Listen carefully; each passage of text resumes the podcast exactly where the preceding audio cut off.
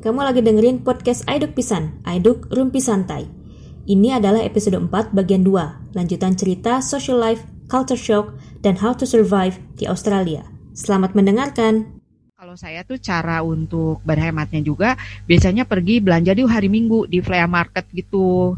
Jadi uh, kayak pasar apa ya? Pasar apa sih kalau di sini tuh kayak dulu gasibu lah ya. Pasar kaget, pasar loa. Nah, ah, Hmm. kayak kayak gitu itu tuh eh, terutama jual sayuran dan buah-buahan tuh murah banget. Kalau misalnya kayak di supermarket sekilo 3 dolar eh, di situ tuh sekilo kan paling berapa ya? Itu tuh sebox kotak sebox gitu bisa 5 sampai 7 dolar gitu apel gitu bayangin. Saya sih nggak pernah beli sebanyak itu karena cuma berdua karena sama suami gitu. Tapi biasanya yang mereka yang sudah yang misalnya anaknya tiga gitu-gitu tuh kebantu banget. Tapi tetap misalnya di di supermarket itu eh, sekilo 3 dolar 4 dolar di situ bisa cuma satu dolar gitu terus kita bisa belanja buat semingguan lah gitu. Hmm. Eh, bawang daun misalnya wortel kentang gitu. Itu kan eh, menghemat banget itu belanja di yang hari minggu itu gitu. Dan nggak cuman orang-orang kayak mahasiswa gini sih yang beli orang-orang lokal juga.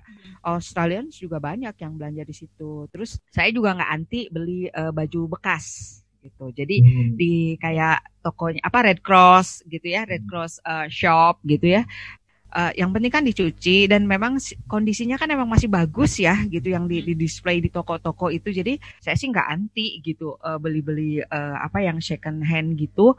Yang penting memang kualitasnya masih bagus terus begitu pulang dicuci yang bersih gitu ya.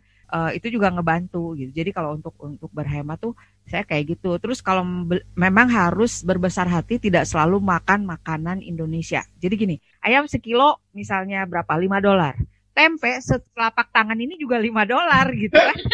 Kan mendingan makan maksudnya ayam lima, sekilo bisa buat inilah tempe cuman segitu gitu. Jadi emang mewah sih makanan makanan eh, apa Asia tuh memang mewah gitu ya. Kalau beras mah murah di supermarket juga ada gitu.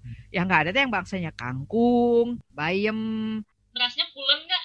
Berasnya mah bisa macem-macem cak jadi ada yang kayak eh, yang biryani apa yang biryani terus ada itu Hmm. macam-macam mereka justru banyak gitu jadi pilihannya banyak kita bisa bisa Pandan pilih wangi lah ada pandan wangi. Cianjur Cianjur PB satu Ada bermacam-macam katanya. Iya, emang macam-macam, tapi ya ada gitu. tapi macamnya bawah. Lima lah ya lima lima macam lima enam macam nggak nggak seheboh di Indonesia sih gitu gitu sih cak kalau kalau saya mah nyiasatinya gitu dan kalau kita pergi main ke mana-mana pasti bekal gitu Nah tadi eh, Mbak An juga mention masalah volunteer, terus Saladin di awal juga mention masalah volunteer gitu kan. Itu selain banyak membantu eh, untuk adaptasi. Nah untuk dapat info tentang si organisasi eh, kita bisa volunteer ini dari mana Mbak An?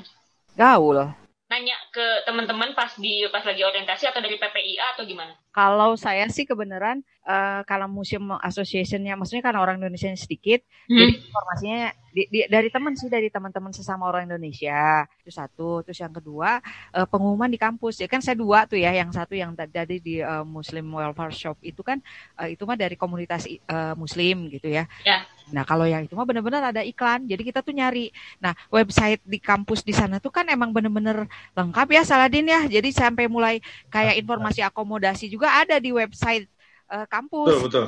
Nah, saya saya sejenak kaget kenapa suara Saladin jadi beda gitu.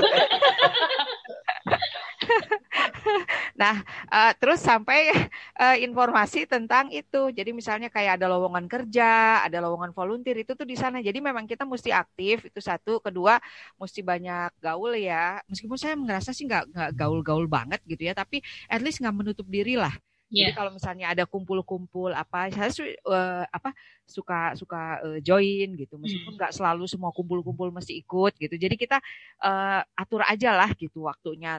Jadi informasinya terutama dari dari kampus sih eh, pengumuman-pengumuman kadang-kadang ditempel di tembok-tembok di apa papan-papan pengumuman gitu. Tapi sejauh eh, saya bicara sama teman-teman yang kuliah di luar, memang eh, informasi di sana eh, gampang ya Mbak untuk cari informasi ini itu ini itu gitu. Iya lebih gampang. Yang terkait dengan maksudnya maksudnya tidak hanya terkait eh, untuk kebutuhan akademis, tapi untuk apa pun gitu, maksudnya cari informasi gampang ya. Iya. Ada yang mau ditambahin. Saladin? Ya sama sih. Jadi kalau saya sendiri kebetulan di kampus itu kayak ada apa? ya, Kayak ada BEM-nya gitu ya. Nah, salah satu kegiatan BEM-nya memang kayak volunteering. Jadi kadang di situ suka diupload kebutuhan volunteeringnya apa aja. Nah, kalau saya sendiri biasanya kalau yang volunteering gitu, biasanya lebih volunteering yang sifatnya event, eventual kayak gitu. Jadi jadi komite apa, komite apa. Tapi itu memang volunteer di luar. Jadi biasanya kerjasama sama organisasi di luar kadang juga pas uh, volunteer itu kadang saya pernah kayak volunteer itu bantu uh, masak di rumah sakit kayak gitu. Jadi uh, kayak buat apa rumah sakit anak-anak kayak gitu. Terus pernah juga kayak tadi sama kayak uh, Mbak An tuh kayak nyiapin buat kayak thrift store ya buat kayak garage sale uh, ngerapi-rapihin baju. Terus juga pernah untuk uh, volunteering di uh, tempat apa panti jompo juga kayak gitu. Jadi uh, atau kadang bantuin buat lari maraton itu juga kadang sering juga sih kayak gitu. Emang informasinya banyak sih kalau misalnya informasi-informasi kayak gitu. Dan mungkin juga uh, nambahin yang uh, Mbak tadi kalau misalnya yang terkait belanja termasuk kalau misalnya mau belanja murah pun sebenarnya banyak ya Mbak kayak yeah. di Gumtree atau di marketplace. Yeah. terus juga salah satu yang paling enak juga selain tadi ada misalnya ada second uh, hand shop juga kadang kalau misalnya ada mahasiswa yang mau pulang baik itu mahasiswa Indonesia ataupun dari mana pun suka ada garage sale kayak gitu. Karena kan pasti nggak bawa barangnya ke Indonesia. Jadi kita pun kadang bisa dapat furniture atau misalnya sepeda saya dapat sepeda di situ dan harganya juga cuma kayak 10 dolar kayak gitu. Daripada kalau saya beli baru itu bisa sampai 100 dolar kayak gitu. Mm. tapi juga kadang uh, yang paling enak tuh kalau misalnya lagi white white apa ya white garbage gitu atau white trash uh, oh ini white white trash day Clean Up Australia Day. Benar-benar. Jadi biasanya kalau orang Australia itu mereka tuh ada setahun atau setahun dua, sekali atau setahun dua kali. Buang-buang barang. Eh, buang-buang barang di depan rumah.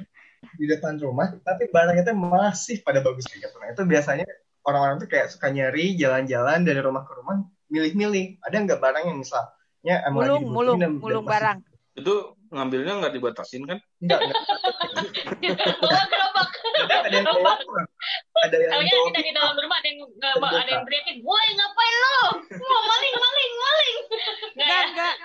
Enggak itu mah uh, bebas berarti bebas. Benar-benar Saladin itu itu itu banget itu sengaja kalau misalnya pas hari tanggal itu tuh sebelum truk pemerintah datang untuk ngangkutin barang-barang itu itu kelakuan orang Indonesia tuh ya. Mulungin. Mulungin itu. Kalau boleh-bolehnya ada yang suka ngambilin juga nggak? Ada, orang, ada. Orang-orang sananya ada juga. Ada, orang bolehnya juga ada. Australinya bukan bukan ada, orang pendatang ya. Tapi mestinya ada. Jadi emang pada ditaruh aja di depan rumah mulai dari sofa, kasur, rice cooker, ah apa aja segala macam. Kita tuh lewat lihat-lihat ada yang cocok nggak ada ambil gitu, jalan lagi. Seru ya. Iya benar benar. masih bagus itu teh, masih bagus bisa. Iya benar nggak ada yang nanya kan kamu siapa? gitu. Nggak ada. maksudnya maksudnya maksudnya kalau kita ke sana kebetulan lagi lagi apa lagi jadi turis lagi jadi turis gitu tiba-tiba kita lewat ada yang lagi buang-buang terus kita ambil nggak apa-apa kan? Nggak apa-apa.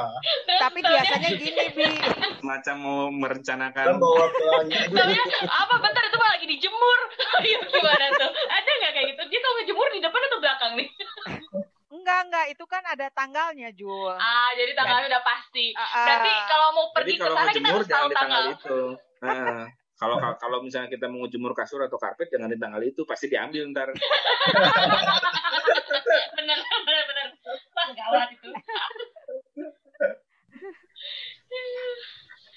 Tapi di sana ada nggak sih yang kayak gitu kayak di Indonesia ya? Kalau di Indonesia itu kan banyak yang jemur-jemur di uh, di teras lah di mana gitu. Kalau di Australia nggak boleh kayaknya ya.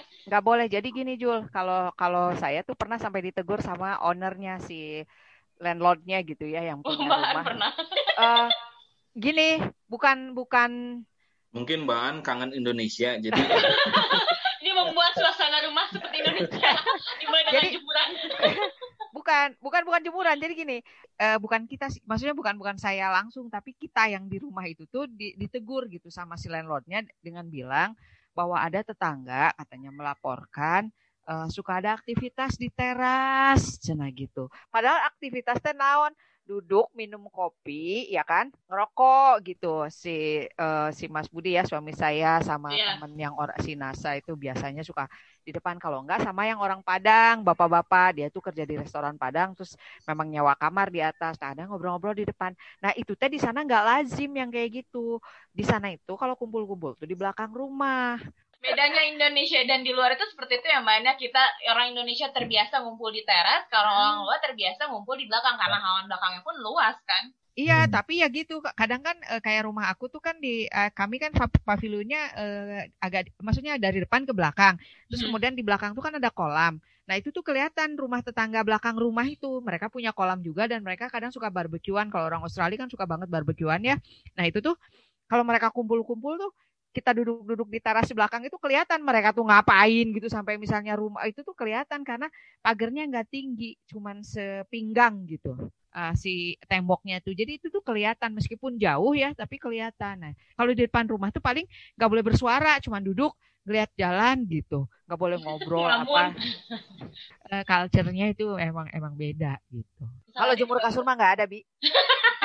Siapa tahu jemur kasur jemur apa baju gitu. Enggak, enggak, sepatu yang habis dicuci sepatu bener. Nggak boleh itu mah harus di jadi di di halaman belakang. Halaman depan mah cuma buat parkir doang. Kalau kalau Saladin kayak gitu bentuknya share house itu rumah atau sama, jadi, sama kayak gitu juga. jadi ada halaman belakang ya, juga. sama, jadi, jadi di belakang itu ada kayak uh, halaman terus juga emang ada alat barbecue juga. Jadi kita biasanya kalau misalnya emang mau ngadain acara atau mau ngadain kegiatan di halaman belakang itu sih. Kadang juga kalau misalnya kita mau ribut-ribut itu juga harus hati-hati juga sih. Karena kita juga di rumah itu sempat ditegur. Gara-gara kita mungkin terlalu berisik ya pas lagi waktu kayak bikin acara uh, malam-malam terus terlalu berisik. Kadang juga kita sempat ditegur cuman gara-gara masalah sampah waktu itu. Jadi kebetulan kan di rumah saya tuh di depannya ada kayak uh, apa kayak kotak box gitu ya kayak mailbox gitu. Nah itu kan kadang suka ada orang-orang yang ngasih selebaran kayak selebaran supermarket selebaran apa kayak gitu. Dan waktu itu kebetulan kondisinya lagi summer jadi anginnya tuh lagi kencang-kencangnya gitu. Nah itu selebarannya itu nyebar ke mana-mana. Tuh ya kita ditegur uh, apa kok itu uh, berantakan sampahnya ke mana-mana. Kalau misalnya kalian emang nggak mau nerima si flyernya itu kasih tanda kalau kalian nggak mau nerima flyernya gitu kayak gitu. Jadi emang kadang juga konflik sama tetangga juga uh, muncul cuman karena hal-hal kecil kayak gitu. Termasuk kadang uh, mungkin yang uh, penting juga misalnya terkait sampah tadi itu kan sampah itu ada hari-hari tertentu. Yeah. Biasanya kalau misalnya misalnya itu hari Kamis diangkutnya. Nah misalnya lupa nih dimasukin, misalnya sampai hari Jumat atau Sabtu gitu, itu pasti kita ditegur juga gitu karena uh, itu udah diangkut, kenapa nggak dimasukin kayak gitu. Jadi itu juga kadang uh, yang budaya-budaya yang kita oh uh, mulai ngeh juga pas di Australia.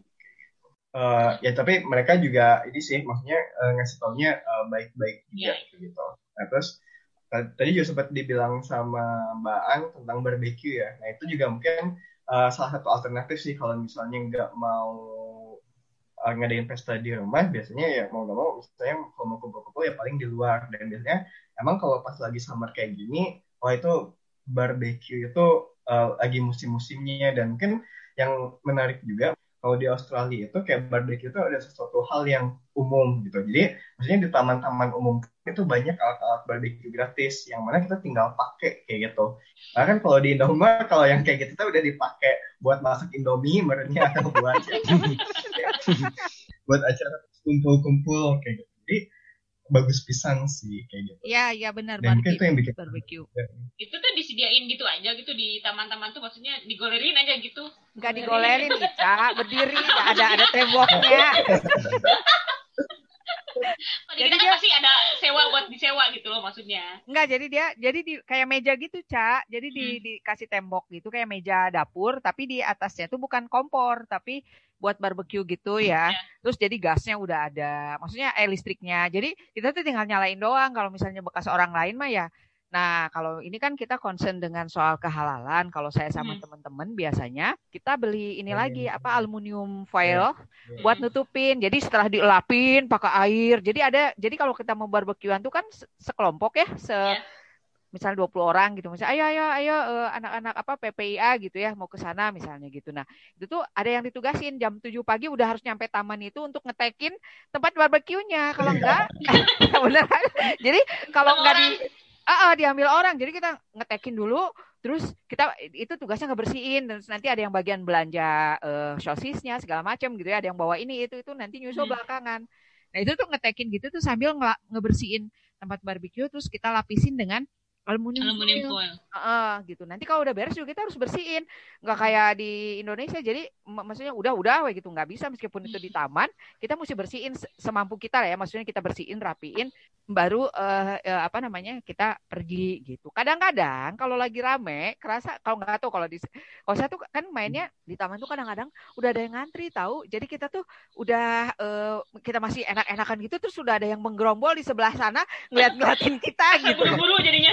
Uh, uh, tapi kan mereka juga mungkin udah ngitung ini pasti dari pagi. Jadi mestinya jam 2-an udah beres misalnya gitu yeah, yeah, yeah. gitu. Kadang-kadang kita eh itu tuh udah udah udahan yuk udahan gitu kan yang dibakar juga udah habis gitu. Kayak gitu sih benar-benar itu mah uh, apa ya uniknya uh, Galia ya uh, uh, itu mah uh, orang Australia tuh cinta banget barbekyuan gitu teman-teman kayak sempat kayak ngebikin jokes kayak gitu oh kenapa ya Indonesia nggak bisa kayak gini gitu ada yang kayak nyelotok Indonesia mah kalau ada kayak gini paling itu sebelahnya udah ada warung Indomie. Soalnya kan kompor iya, pasti kopi. Kalau ada enggak kalau ada kompor nganggur pasti ada orang sebelahnya uh, narik iuran. Iya, iya, sewa makanya kata gue juga kalau gitu mungkin ada bilik-bilik padahal, sewa. Padahal bukan punya dia. Iya benar. Tapi seakan-akan ini punya dia. Tapi itu teh di satu taman itu bisa ada banyak, uh, Cak. Uh, jadi nggak cuma satu. Jadi misalnya tamannya Apalagi, Man. itu kalau di kita, Man. Ya, kalau, kalau di Indonesia udah udah nggak ada pemanggang yang gitu udah nggak ada. Ya kan? Berarti yang mintain yang mintain duitnya bukan di sebelah pemanggangnya tapi di depan pintu taman. disewa, disewa, disewa, disewa terus ada tukang parkir. nomor satu meja nomor dua. Kosong kosong kadil kadil kayak apa aja. Jadi sebetulnya sebetulnya apa namanya uh, perbedaan budayanya culture shocknya itu tidak tidak melulu jelek ya. Maksudnya ada juga yang perbedaan budaya yang justru bikin uh, apa mem, uh, menyenangkan gitu. Benar sih. Kalau saya tuh terutama banyak yang menyenangkannya ya justru ya mbaknya uh, pada akhirnya kalau kita bisa apa ya apa namanya ya ber... kita bawa enjoy aja kan sebetulnya. Uh, uh, karena gini kalau saya mungkin saya nggak ngerti ya kalau ini tapi ada teman saya yang culture shocknya tuh lama karena dia nggak pernah pergi-pergi sebelumnya. Kalau saya kan kebetulan dari kecil ya kan orang tua saya pindah-pindah e, kerja tiap dua tiga tahun sekali pindah-pindah jadi emang terbiasa menyesuaikan diri. Jadi oh waktu di Indonesia dia nggak pernah ke ke mana-mana juga ah, gitu. Ah, jadi dia tuh gitu. What maksudnya kayak ijul. Di, dikurung kayak ijul dan dia tuh nggak pernah misalnya kayak ikut seminar di mana apa gitu nggak hmm. pernah gitu. Jadi bener-bener udah gitu uh, anaknya agak-agak apa uh, apa pendiam gitu ya. Jadi nah itu nah untuk mengatasinya sebenarnya ya nggak jangan dipikir sendiri sih yang kayak gitu gitu. Semua orang ngalamin. Culture shock itu semua orang ngalamin. Saya pun mengalami. Cuman uh, kadarnya beda-beda tergantung pengalaman hidup dia gitu. Ya, tergantung personalnya juga mungkin kan kayak Mbak An bilang juga salah satu hal yang paling efektif untuk mengatasi itu adalah kita harus terbuka gitu. Iya, betul. Ya dan pertolongan di kampus itu sangat banyak sih cak kalau hmm. kalau saya ya misalnya kayak kalau kamu jadi di kampus itu kita selalu dari di awal tuh dikasih tahu kalau kamu ada kendala ada masalah ada apa datang gitu. Kalau uh, ke ini misalnya ada dan, dan tadi di OWIX itu kan OWIX itu kan buat yang umum. Nah kalau kita kan dari awal udah ada ya jadi mereka tuh udah ngingetin kalau misalnya ada masalah apa pun. Nggak harus masalah akademik tapi uh, kampus itu akan berusaha membantu gitu dengan misalnya uh, apa masalahnya apa sih? Bahkan teman saya tuh pernah ada yang nggak dapat dapat kos kosan itu ngadu ke kayak internasional office-nya gitu ya. Yeah. bilang terus uh, dicari ya at least dia tuh nggak nggak sendirian gitu. Meskipun Etienne nggak dapat juga karena misalnya susah dan sebagainya tapi ada orang yang diajak ngomong gitu. Ini memang sih untuk dari segi kesehatannya pun kalau misalnya kayak fasilitas untuk ya katakanlah mental health care-nya sudah sudah sangat sangat sangat sangat mendukung ya. Ya kalau misalnya emang buat konseling itu emang udah banyak sih di kampus juga. Tadi mungkin uh, kayak Mbak Ang itu juga ada ada kayak lembaga konselingnya jadi enak juga. Terus juga sebenarnya kalau di kampus juga kayak ada kayak apa kayak uh, puskesmas uh, kecil gitu sih kayak maksudnya kayak buat kayak GP gitu ya general practitioner kalau misalnya kita sakit atau gimana. Cuman nah mungkin yang sempat bikin uh, culture shock juga adalah uh, kalau misalnya kita sakit itu juga sistemnya agak beda ya sama kayak pas di Indonesia. Karena kalau di kita mah uh, kita misalnya sakit itu tinggal ke dokter gitu ya. Kalau misalnya hari itu misalnya datang ke dokter walk in itu uh, bisa. Nah tapi kalau misalnya di Australia itu nggak uh, bisa kayak gitu gitu kita tuh harus booking kayak gitu Nah, itu kalau booking itu kadang harus kayak dua atau tiga hari sebelumnya. Nah, itu mungkin yang kadang bikin ribet karena uh, kalau nggak emergency emergency banget itu bakal susah buat kayak ke GP ya ke dokter umum kayak gitu. Jadi soalnya dokter di sana uh, mikirnya misalnya ah, kita paling baru kena masuk angin kayak gitu. Paling minum air juga bisa atau misalnya uh, paling ntar flu-flu biasa, paling ntar dua tiga hari juga sembuh. Jadi mereka berpikir kalau misalnya emang nggak urgent-urgent banget mah nggak perlu ke dokter kayak gitu. Jadi mungkin itu yang salah satu yang bikin uh, culture shock juga uh, karena itu tadi uh, kalau misalnya kita mau ke dokter itu harus booking yang agak sedikit susah juga termasuk kalau misalnya kalau misalnya kita sakit gigi atau gimana itu juga agak susah sih kalau misalnya mau ke dentist bukan susahnya sih tapi mungkin mahalnya ya kayak gitu misalnya kalau di Indo ratusan ribu masih bisa dapat kalau ke dentist di luar itu uh, ya bisa kalau misalnya di convert ke Indo bisa sampai jutaan kayak gitu. Nah, tadi kita udah dengar nih banyak hal yang sangat-sangat menyenangkan sebetulnya pengalaman dari pengalamannya Saladin, kemudian dari pengalamannya Mbak An juga. Uh, pasti ada lah, pasti nggak mungkin nggak ada kan ya kalau saat saat di mana kalian itu merasa uh, bosen misalnya kemudian atau uh, homesick yang teramat sangat gitu. Nah, kalau dalam kondisi kayak gitu, kira-kira apa yang kalian lakukan? Apakah kalian bagaimana sih cara kalian menghibur diri gitu loh? Pulang. iya, oke okay sih.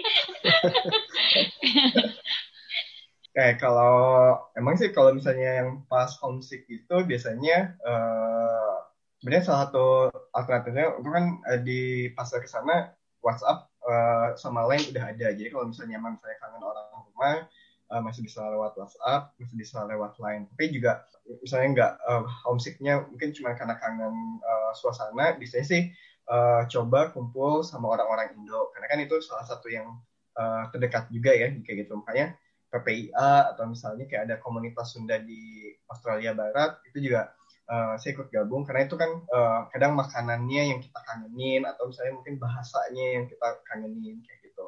Atau misalnya kalau misalnya emang uh, lagi homesick banget ya berarti alternatif lainnya dan kalau lagi waktu luang juga ya mencoba menyibukkan diri dengan hal yang lain. Misalnya uh, paling sering sih atau paling gampang misalnya masak kayak gitu atau misalnya nonton atau uh, uh, kalau misalnya ada punya waktu yang panjang terus misalnya ada rezeki berlebih biasanya sih jalan-jalan kayak gitu. Walaupun jalan-jalannya nggak harus jalan-jalan yang jauh tapi misalnya bisa jalan-jalan yang di uh, dekat-dekat aja. Karena uh, sebenarnya di Australia juga kalau misalnya dipikir-pikir uh, sebenarnya banyak kayak public uh, place yang murah juga gitu maksudnya yang free juga terus bagus juga kayak gitu maksudnya cuma buat kayak supaya nggak stres kayak gitu Mbak gimana Mbak Apakah jalan-jalan gitu sama uh, Mas Budi gitu, traveling yang jauh gitu ke lain kota misalnya? Emang sih kangen, yang berasa kangen banget tuh kalau lagi lebaran. Itu hmm. berasa kangen banget gitu ya.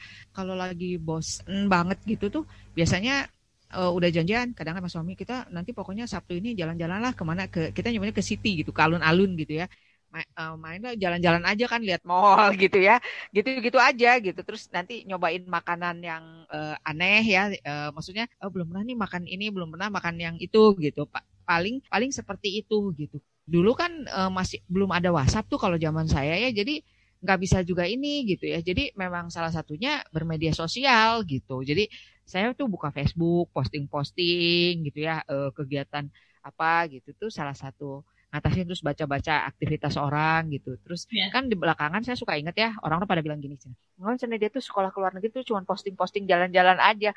Karena bagian-bagian bagian-bagian yang dia ngerjain tugas mah kan nggak mungkin diposting gitu ya. kan pasti kita gitu. nge-share yang bahagianya ya. Iya gitu, karena ingin berbagi kebahagiaan dengan orang. Kehidupan kehidupan di jalannya uh, aman nggak sih di sana? Maksudnya uh, ada kan kalau di kita tuh ada ada titik-titik yang Kawan. namanya Titik yang rawan. rawan lah ya Rawan. rawan rawan preman sebetulnya pemalakan begal dan segala kalau begal mah di jalan lah maksudnya kayak ngelewatin orang yang nongkrong aja kan di sini tuh segen kadang-kadang gitu Iya, benar-benar benar. sih. Relatif di sana tuh kan relatif aman. Cuman memang eh, ada daerah-daerah tertentu yang mm, kan gini, kita kan semua mayoritas kan sebagian kita jalan ya, jalan kaki. Nah, terus ada daerah-daerah yang memang sepi ya kayak eh, gelap, sepi gitu. Itu juga relatif aman. Eh, hanya mungkin ada satu dua orang-orang eh, iseng atau orang-orang jahat lah ibaratnya gitu ya. Itu mah di mana-mana juga ada. Tapi kalau kita misalnya bikin prosentase eh, relatif aman sih karena kayak temen saya itu kalau pulang jalan kaki dia. Saya mah terus terang nggak berani ya. Tapi dia mah jalan kaki dari rumah saya ke tempat dia. Kalau udah malam jam 10 malam kita suka nanya kamu nggak apa-apa? Cewek nih? Nggak apa-apa. Aman aman aja kata dia gitu gitu. Jadi nggak apa-apa. Lagian di sana mah ya eh, Saladin ngalamin nggak? Itu orang-orang pada jogging juga malam-malam ya kan? Ya. Eh, Sebenarnya kalau di terutama di rural mah aman-aman aja. Maksudnya walaupun kadang gelap ya, eh, maksudnya nggak tahu sih atmosfernya beda gitu. Maksudnya kalau di kita mah kadang maghrib aja kayak udah takut gitu ya. Maksudnya udah takut sama orang jahat, takut hantu atau takut apa gitu. Kalau di sana mah walaupun gelap atau gimana, nggak ada sama sekali perasaan takut gitu. Kadang pulang jam tadi kayak Mbak An pulang jam 10 jalan kaki juga nggak apa-apa. Cuman kalau di Perth sendiri itu yang harus hati-hati mungkin di eh, kota karena kalau di Perth kan masih banyak ya orang aborigin eh, orang aborigin aslinya. Nah kadang eh, mereka tuh suka ag- agak mabok gitu. Jadi itu sih yang harus diwaspadain kalau misalnya mereka udah mabok. Karena teman saya pernah ada eh, yang sempat kayak dipukul eh, mukanya kayak gitu sama orang aborigin. Dan memang Tiba-tiba dipukul atau gimana? tiba-tiba dipukul karena emang dia lagi mabok kayak gitu kayak gitu cuman pokoknya di Australia mah asalkan kita nggak ngelakuin yang pertama kali eh, aman gitu jadi maksudnya kalau misalnya ada yang nantangin berantem ya kitanya juga jangan mau kayak gitu karena kalau di Australia kalau siapa yang mukul duluan itu yang kena kayak gitu jadi maksudnya kena kayak polisi atau kayak gimana kayak gitu jadi ulang teman saya itu karena dia dipukul duluan sama orang aboriginnya jadi ya polisinya yang ngejar orang aboriginnya kayak gitu jadi nah, tapi so far Oh, sih iya, aman betul. sih di uh, Iya benar-benar soal aborigin. Hmm. Saya nambahin ya yang soal aborigin itu emang kalau di Brisbane itu eh, beberapa suka nongol di taman. Hmm. Eh, kalau weekend kan banyak orang pergi ke jagain panggangan ya. yang tadi mungkin Iya benar kan. Balik lagi ke panggangan. Nah itu tuh kadang-kadang mereka tuh suka kayak kalau di sini mah kayak orang minta rokok gitu loh, Mhm. mintain uang gitu. Tadi yang kedua saya juga mau ini, saya pernah ngalamin pulang dari rumah teman malam kan kita habis kayak kumpul-kumpul gathering biasa lah gitu. Itu tuh karena weekend jadi banyak orang mabok di Hmm. dalam bis bis kota itu di dalam bis itu mabok sampai ada yang eh apa kayak teguling gitu loh gulung-gulung di di jalan di kan bisnya kosong ya jadi Ya. maksudnya bisnya gede sama gede gitu terus eh, kayak gitu gitu itu tuh ngeri teman saya tuh sampai pucat gitu cuman mm, ya kita harus nggak nggak boleh ngeliatin kalau kita takut gitu masalah jadi ah saya mah waktu itu doa doa aja gitu karena kalau misalnya kita bikin masalah sama mereka atau misalnya salah ngomong kita ngeliatin mereka aja kan pasti mereka bisa ngeliat apa kamu lihat-lihat kan gitu kan jadi jadi kita iya. tuh emang harus pura-pura nggak ini nah itu memang kalau eh, banyak banyak orang mabok saya hari pertama datang ke Brisbane itu dulu terus main ke alun-alun kan karena mau nyari charger mau nyari segala macam itu dikejar-kejar sama orang mabok gitu jadi pengalaman pokoknya hari Orang pertama mana? saya waktu- hari pertama saya waktu itu bener-bener yang bikin Hektik stres ya. gitu ya Ya, Dari pertama luar biasa sekali. Nggak ada yang ngejemput lah. iya nggak ada yang ngejemput. kamar Luar kamar biasa. eh, ini akomodasi salah naik bis nggak bisa gitu ya terus pas udah ketemu teman saya terus eh, nah itu satu hal lagi ya saya coba pengen pesen gini kita tuh jangan tadi yang ngebanding bandingin rupiah sama dolar ya saya tuh Iya. gara-gara masalah saya muncul itu karena ketika saya transit di Sydney teman saya udah bilang an beli charger dia bilang gitu kan eh apa ya colokan itu kan yang buat eh, Iya. ini terus kita lihat 10 dolar. Terus langsung kan waktu itu rate-nya kan sekitar 10 dolar, 9.000 ya. berapa rupiah? oh ah gitu. Mahal. Udah ah, ntar aja. Katanya kalau di kota cuma 3 dolar 2 dolar gitu kan pokoknya gitu. Nggak mau. Nah baterai saya itu habis udah kedip-kedip udah merah gitu ya. Terus kan panik gitu. Padahal kalau misalnya saya beli waktu di Sydney sebelum naik pesawat yang ke Brisbane itu kan sebenarnya nggak masalah ya. Terus karena itu tuh saya nggak bisa ngontak teman saya. Jadi masalah tuh salah satunya muncul karena baterai HP saya udah merah gitu, udah yang buat nelpon takut mati, nggak nelpon perlu gitu ya. Iya, iya, Cuman iya. gara-gara eh, selalu Chargernya. mengkurskan eh, itu gitu. Nah, jadi akhirnya kita ke kota beli memang betul di kota itu kayak 2 dolar, 3 dolar tuh dapat gitu. Tapi ya gitu dikejar-kejar orang mabok gitu kan. Tapi saya nggak kapok. Maksud saya sekarang jadi kenangan manis gitu ya. Iya, iya, iya. Jadi jadi jadi ya Allah hari hari pertama tuh bener-bener ya. Jadi maksud saya eh, eh, poinnya adalah kalau misalnya kita mengalami hal buruk itu tuh sebenarnya nggak buruk gitu. Itu eh, cara kita aja menyikapinya gitu. Gimana gitu. Jangan jangan gini. Wah Australia itu ternyata gini gitu. Saya nggak nggak mikir gitu gitu. Cuman oh, beberapa hari kemudian juga kita udah keketawaan gitu nginget itu saya sama teman saya tuh kita gila ya. Udah gitu yang lebih bodoh lagi kami tuh membeli air mineral. Padahal di sana kan air mineral itu dari keran udah bisa diminum Bisa. ya. Terus saya tuh nge- saya tuh beli sampai tiga tiga apa yang gede itu ya tiga liter gitu. Bayangin ambil ngangkut-ngangkut itu dikejar-kejar orang eh, mabok gitu kan. Terus kata teman saya kita tuh bodoh banget sih ngapain beli-beli air mineral gitu. Gitu. Jadi buat nyiram orang mabok ya mbak jadi eh, po- apa poin kepikir sih Bi. poin lainnya adalah bahwa eh, orang Iya. mabuk dan yang yang minta-minta rokok itu tersebar luas di seluruh penjuru bumi, Mbak. benar juga sih tapi itu bener loh tapi untung mbak sama teman-teman ya itu yang mbak Ani nggak sendiri kalau sendiri mungkin akan lebih mengerikan ya nggak sih kalau saya sih ngebayanginnya mengerikan ya mungkin kalau misalnya kita cuma sendiri gitu tentunya sama teman-teman Iya sih, saya waktu itu berdua sih, berdua sama teman saya. Dan dia suka berpetualang juga, jadi nggak bikin panik gitu sih. Adin ada pengalaman yang tidak mengenakan kah bersama lingkungan sekitar misalnya waktu di sana Kali aja dia kejar-kejar cewek gitu, Din. Kan Mbak An kejar-kejar yang mabok. cuma nggak akan lari ya tuh akan sih Makanya kalau makanya diem Eh, so far sih alhamdulillah sih kalau misalnya yang konflik sampai gimana mah nggak ada kayak gitu. Maksudnya eh, alhamdulillah sih eh, paling ya tadi kayak paling yang biasanya yang kena teman-teman kayak gitu. Tapi itu juga sih tadi yang tatap eh, muka gitu ya, pandang-pandangan. Terutama emang sih udah diwanti-wanti kalau misalnya ketemu aborigin yang pernah lihat matanya kayak gitu. Karena sebenarnya itu ada juga ya kayaknya culture juga. Jadi itu emang culture-nya mereka gitu. Itu tuh dianggapnya kalau kita kita kan kebalikan ya kalau misalnya ngobrol harus lihat mata. Kalau di sana tuh enggak. Justru kalau kita ngelihat mata ke orang aborigin itu dianggapnya eh, kita nggak sopan kayak gitu. Jadi eh, itu juga sih kayak banyak ternyata culture-culture yang justru dengan kuliah eh, pas di Australia atau di luar negeri itu jadi kita dapat sisi lain kayak gitu. Mungkin itu juga yang kayak ngebuka pikiran kita kayak gitu. Eh, kita lebih toleransi terus eh, mulai lebih menghargai perbedaan kayak gitu. Terus mungkin juga berhati-hati bertindak kayak gitu. Karena mungkin apa yang baik buat menurut kita mungkin menurut culture-nya mereka belum tentu baik kayak gitu. Jadi itu juga sih yang mungkin jadi pembelajaran yang utama eh, terkait eh, studi di Australia. Cak, mau nambahin lagi dikit ya? Boleh boleh boleh boleh. Gimana mbak An? soal kehidupan kehidupan di kampus ya kalau kalau saya nggak tahu sih kalau misalnya di kampus lain tapi saya ngobrol sama saya temen di UQ itu juga dia gitu cuman rada beda sedikit.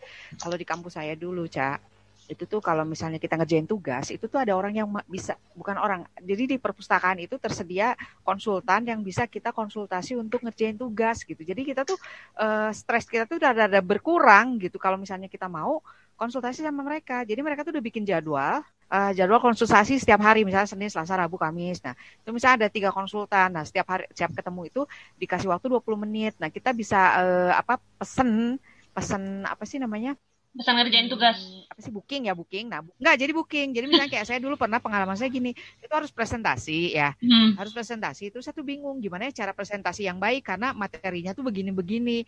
Itu pusing ngerjain ah cobain weh saya booking gitu. Saya booking eh, terus ketemu sama, sama mereka terus yang oke Aan eh, apa masalah kamu ap- eh, gimana? Apa yang bisa saya bantu? Dia nanya gitu kan mau gini gini gini gitu oh terus dia ngasih saran dia bilang oh iya benar ya harusnya kita bisa presentasi begini begini begini gitu gitu loh itu satu eh, Nah, kalau menjelang ujian, biasanya yang bookingan kayak gitu tuh ngantri. Jadi 20 menit itu benar-benar harus 20 menit gitu. Kalau misalnya nggak lagi musim ujian, jadwalnya 20 menit, nanti dia suka ngeliat, waktu kamu udah habis, tapi sebentar saya lihat dulu keluar, dia ngeliat, oh nggak ada orang, sok terusin aja gitu. Kadang-kadang gitu. Nah, itu eh, gratis banget berarti gratis itu layanan dari dari kampus uh, dari perpustakaan di di saya terus kemudian ada penerjemah atau apa namanya uh, editing ya editing hmm. tugas gitu kan kalau saya ilmunya sosial ya maksudnya komunikasi bikin essay gitu-gitu itu tuh kita bisa bisa minta mereka periksa uh, essay kita nggak cuman bahasanya tapi juga strukturnya gitu hmm. itu tuh di sana ada ada yang uh, untuk bahasa. Nah kalau di kampus lain saya dengar sih untuk yang bahasa itu disediain tapi mesti bayar gitu. Beda-beda ya tergantung kampus mungkin berarti. Ya, cuman layanan perpustakaan yang kayak konsultasi belajar terus uh, buku karena gini maksudnya kita kan stres juga ya ngerjain tugas terus nggak tahu harus gimana itu tuh kan kalau misalnya kita stres akhirnya kita nggak juga bisa menikmati social life kita yang harusnya sabtu minggu kita betul, bisa betul. Uh, apa nah Nah, kalau teman-teman yang misalnya kurang apa maksudnya nggak dapat informasi di O week itu atau misalnya berangkat sendiri karena biaya sendiri atau misalnya apa, nah mungkin mungkin eh, nggak uh, dapat tuh informasi kayak gini. Kalau kita kan kayak disuapin gitu loh. Kalau dari ADS tuh dulu kita kayak disuapin aja semua sama mereka dikasihin. Yeah. Jadi itu tuh gratis gitu. Jadi mungkin kalau misalnya nanti uh, mau sekolah ke sana uh, kayak gitu tuh itu bisa dicari gitu di sana untuk meminimalisir stres sehingga kita bisa menikmati social life di luar kampus gitu. Mantap. Ya. Ada yang mau tambahin Saladin? Enggak sih, kalau dari saya. Tanpa komat kami soalnya sama kuat kami kirain mau namanya gimana? Uh, terkait culture shock juga mungkin. Uh, tadi kan mungkin kita udah ini ya maksudnya sama perjalanan di Australia tapi uh, yang mungkin perlu diperhatikan juga bahwa uh, di saya sendiri dan mungkin di buah uh, bahan juga ya culture shock juga bakal muncul pas nanti ketika kita akan pulang ke Indonesia kayak gitu. Karena uh, apalagi misalnya kita udah studi setahun, dua tahun, udah mulai terbiasa dengan culture-nya, udah mulai terbiasa dengan cuacanya, mulai terbiasa dengan orang-orangnya, uh, tiba-tiba harus pulang gitu. Nah biasanya uh, yang cukup susah juga itu adalah di satu bulan terakhir kayak gitu, karena uh, biasanya selain kita juga packing-packing, kita juga mulai ngerasa kayak kok kayak nggak pengen pulang kayak gitu. Biasanya tuh yang muncul sih kayak kangen keluarga di Indo, tapi di satu sisi juga nggak pengen uh, apa uh, lepas gitu dari gak pengen, pengalaman gak pengen ninggalin Australia juga iya, gitu. ya, ya benar ninggalin kayak gitu. Jadi itu juga sih yang mungkin kita harus siap-siap juga kayak gitu. Pasti itu ada sih kayak misalnya harus ninggalin teman-teman terus juga ninggalin budaya yang udah kita nyaman uh, keteraturan mungkin mungkin jadwal bisnisnya udah enak makanannya udah enak kayak gitu. Jadi itu juga mungkin yang harus dipersiapin sih. Ini uh, kalau kalau secara ilmiah itu namanya reverse culture shock. Oh. Jadi ketika kita berangkat kita culture shock, ketika kita pulang ada reverse culture shock. Nah kalau di AAS, eh, ADS, kalau saya dulu kita mau pulang dikumpulin. Yang mau pulang siapa nih semester ini gitu ya? Dikumpulin sama LO-nya kampus itu dikumpulin, LO yang ngurusin anak-anak ADS itu dikumpulin. Terus uh, dikasih pengetahuan ini bahwa kamu akan mengalami hal seperti ini. Terus dia pasanginlah itu si si apa tabel culture shock itu kan ya. Kita kan yeah. sangat familiar dengan itu ya Saladin ya. Jadi oh, Saladin uh, juga ngalamin ya si proses ini. Pastilah kalau kalau AS mah pasti dikasih yang kayak gitu. Itu tuh gini. Jadi kamu dulu di sini, terus kemudian kamu masa bulan madu, terus kemudian masa nyaman. Nah, sekarang hmm. kamu akan pulang lagi ada di sini. Nah, ini nanti kamu akan mulai lagi membanding-bandingkan kata dia gitu di Indonesia dengan apa di negara kamu dengan di Australia. Nah, tapi terima aja karena itu memang bagian dari proses gitu. Dan emang bener sih, Cak, saya pulang ke Indonesia itu mengeluh. complaining buat oh ya saya jadi belum sih kok kayak gini? Saya belum berangkat dan belum pulang lagi aja udah banyak komplain banget apalagi sekarang aduh. Iya benar lihat rumah lihat rumah sendiri ya begitu masuk ke rumah langsung gini kenapa dapurnya kayak gini gitu loh tapi aduh ya iya iya iya kalau teman saya dulu gini jadi ingat teman-teman di Malaysia tuh ya oh teman orang Malaysia dia bilang gini an kamu tahu nggak kita tuh sekarang sedang berada di masa depan kata dia gitu Hah? Di masa depan? Iya, karena kan negara kamu, negara aku kata dia, belum semaju Australia kan, kamu lihat bayangin sekarang tuh. Jadi di di di taman-taman itu kan ada colokan-colokan listrik gitu loh. Uh, yang mungkin sekarang di Bandung juga udah mulai ya. Kayak kita bisa ngecas di mana gitu. Tapi 10 tahun yang lalu itu Iya, kan iya, iya. nggak kebayang kayak gitu. Nah, terus teman Iya, saya iya. bilang gini, kita tuh berasa berasa di masa depan, An. Kita tuh berada di masa depan. Dan kamu kebayang nggak kita nanti pulang lagi kembali ke masa lalu kata dia gitu. Eh, jadi Tapi benar juga ya analogi itu siap. ada betulnya sih betul.